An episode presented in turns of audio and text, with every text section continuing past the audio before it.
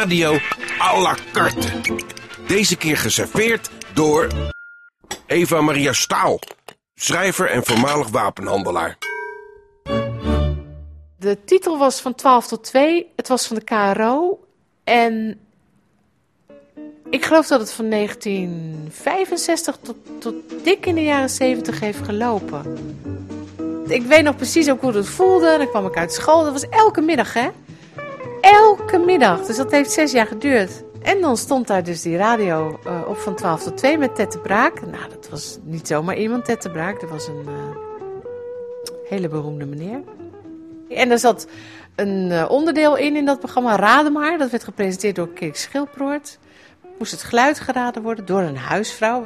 Nou, dat Raden maar was wel bijzonder, want het was het eerste spelletje in Nederland. Het was kennelijk nog nooit vertoond dat op de radio iemand met een telefoon een luisteraar opbelde.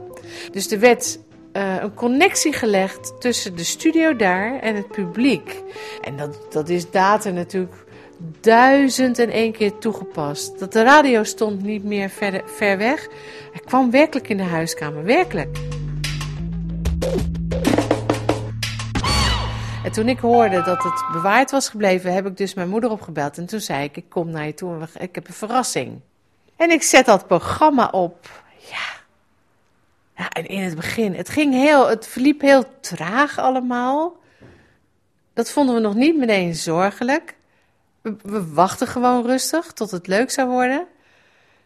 Maar het werd helemaal niet leuk. Het werd eigenlijk alleen maar langdradiger en vervelender. En ook, er waren elke keer tussen die programma-onderdelen, was er een korte stilte. Dat was toen zo. Ja, dat was echt zo. Maar wij dachten steeds, die computer is ermee uitgeschreven. Want tegenwoordig wordt alles zo snel aan elkaar geplakt en geknipt. Dat zijn wij nu gewend. En wat me ook opviel, ik vond er ontzettend veel um, rubrieken in zitten waarvan ik dacht, wie zit daar nou op te wachten? Uh, land- en tuinbouwberichten. Elke dag opnieuw dat weer voor land- en tuinbouw. En niet even, gewoon een half uur.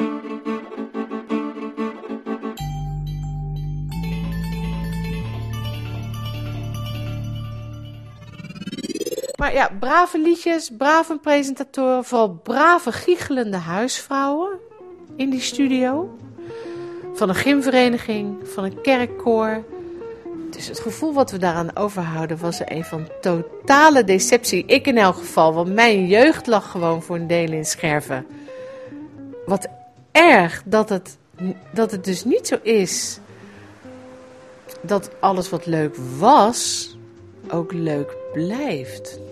En mijn moeder, die al aan het eind van haar leven is, die uh, zat daar dus helemaal niet mee. Toen zei ze, nou je stelt je echt enorm aan. Niks blijft, niks blijft gehandhaafd. Alles maakt altijd plaats voor iets nieuws. Iets snellers.